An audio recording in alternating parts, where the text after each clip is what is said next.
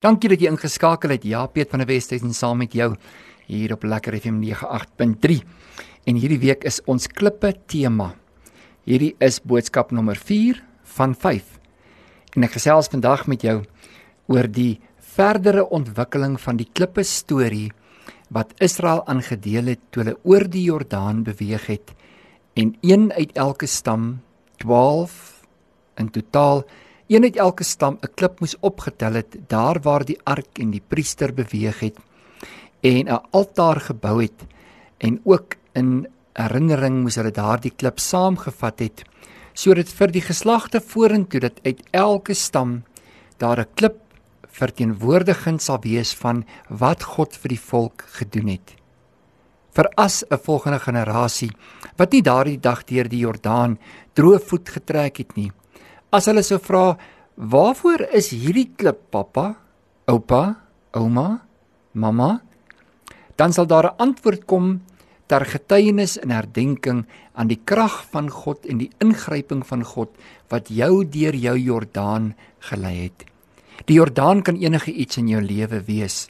'n Oorwinningspunt, 'n draaipunt, dalk 'n verslawing, dalk iets waarvan God jou moes verlos het dalk iets waarmee jy jare gesukkel het en in 'n oomblik die woord van die Here aangegryp het, sy teenwoordigheid gesoek het en jouself onderwerp het in gehoorsaamheid aan wat hy vir jou sê. Dis nie maklik om 'n klip te kan bekom in 'n dam wat jy nie kan deurloop nie. Maar is soveel makliker wanneer die teenwoordigheid van God voor jou uitbeweeg. Die priesters dra die ark. Die ark verteenwoordig God se teenwoordigheid. Baie makliker om daar waar die ark beweeg net vir 'n oomblik stil te staan en die opdragte van God uit te voer. Dis hoe jy 'n klip bekom. Ek besef ook in 'n nuwe generasie is die spreekwoorde in Afrikaans maar 'n eilgesaaide begrip en konsep wat die jong mense deesdae nie meer verstaan nie. Onthou jy swietjies oor die klippe? Stadig nou, moenie haastig raak nie. Moenie bo jou standaard ook lewe nie. Of wanneer iemand onder die klippe is, beteken hulle word beskuldig of aangeval of hulle is onder die veroordelingsbank. Of onthou jy stadig oor die klippe.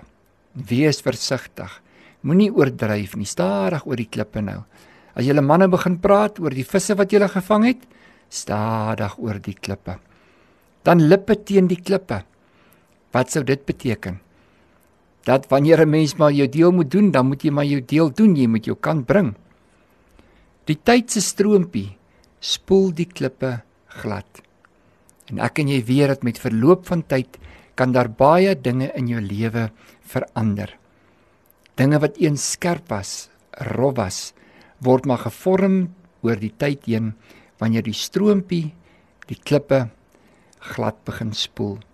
Onthou jy klippe gooi na glashuise, veral nie as jy self in een bly nie. Moenie aan ander doen wat jy in jouself gedoen wil hê nie. Dan 'n klip in die bos. Ek sê dit maar net. Ek gooi maar net 'n klip in die bos. Ek lewer maar net my bydrae en ek ek gee maar net iets waaroor jy ook moet nadink. Al hierdie klippe. Die woord is ook vol klippe.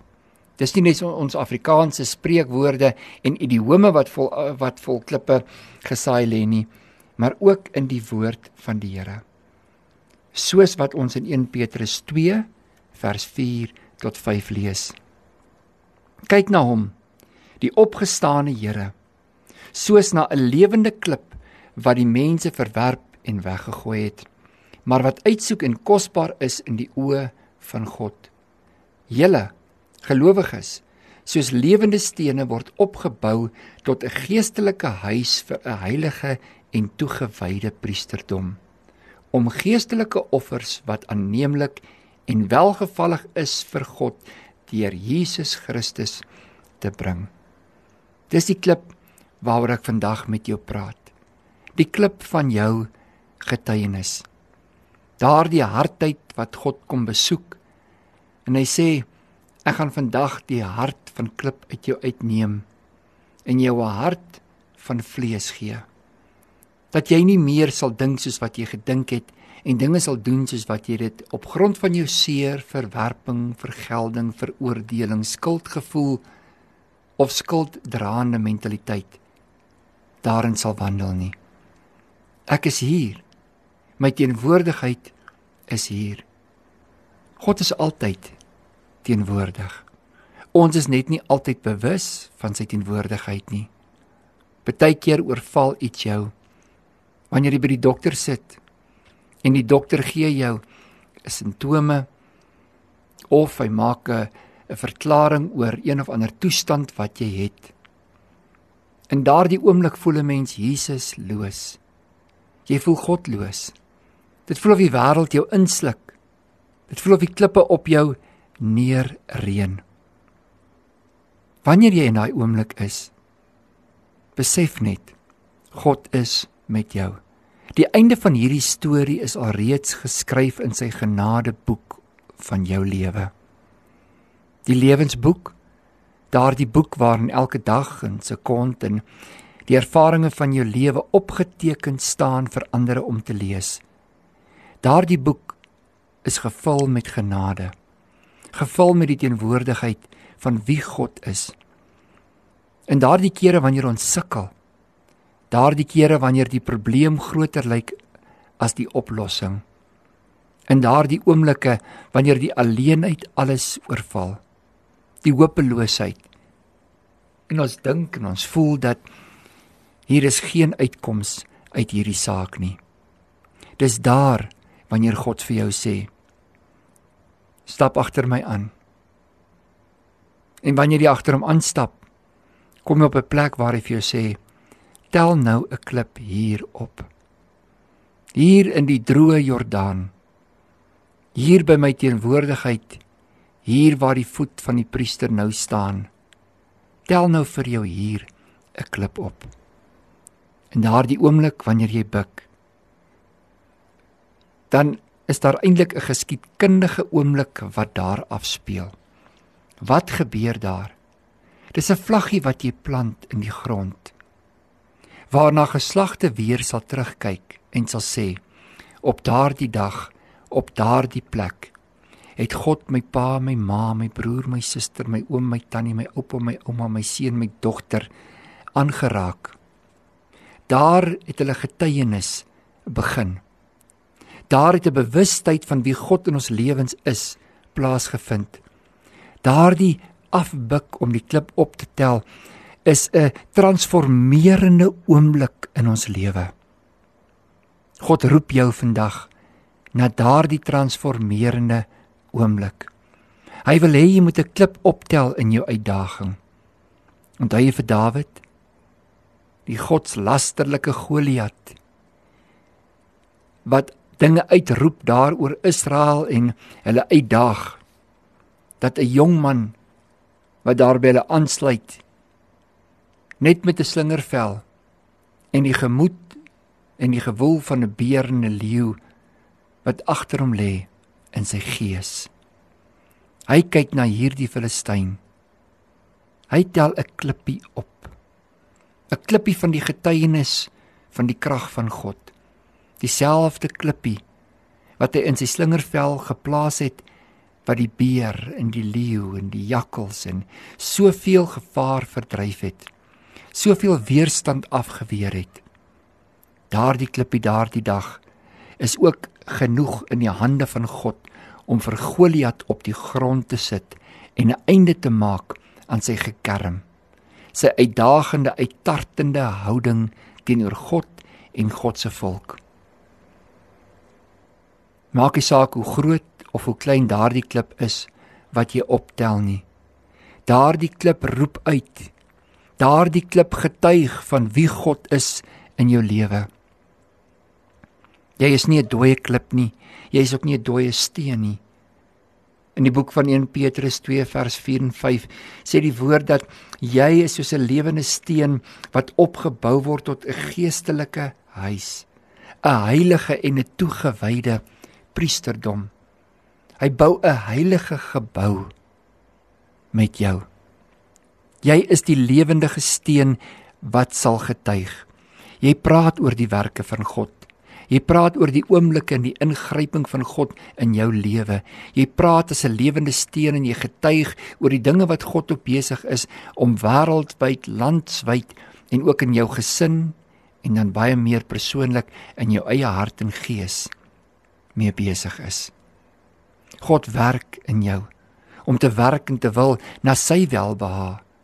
Dis waarom ons daardie klippies optel by sy teenwoordigheid.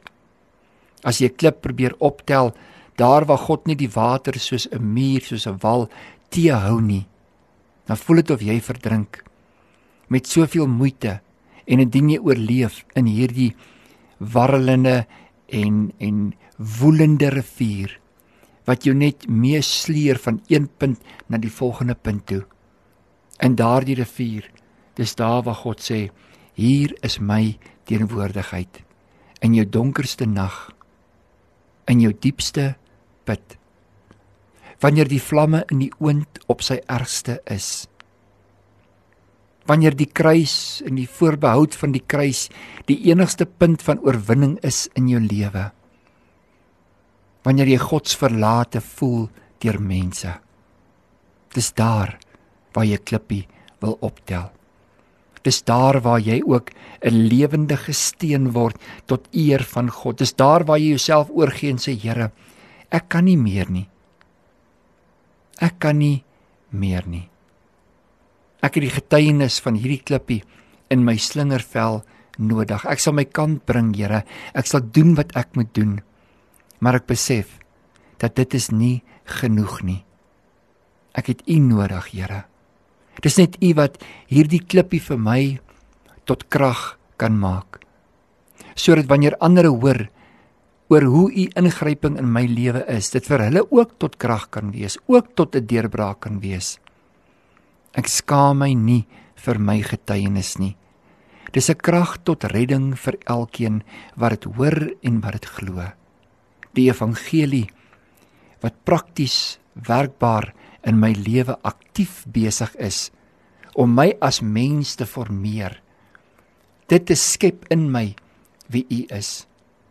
Kom skep in my 'n reine hart, sê Dawid. Kom skep dit in my. Kom gee vir my hierdie klip van getuienis van reinheid dat ek ook 'n klip in my huis sal plaas van reinheid wanneer die kinders kom vra en die geslagte daarna kom vra wat verteenwoordig hierdie klip dat ek dat ek sal kan sê dis daardie dag toe ek 'n lewe van onreinheid neergelê het en toe God my bonatuurlik aangeraak het en ek het 'n lewe van reinheid van daardie oomblik wat ek daardie klip opgetel het begin lewe. Jou lewe is tot getuienis vir God Hoekom? Want wanneer ek hom toelaat om my op te bou soos 'n lewendige steen, dan word ek ook 'n huis vir heilige en 'n toegewyde priesterdom. Dan kan ek diensbaar vir die Here wees. Ek kan sy stem hoor, ek kan sy wil doen.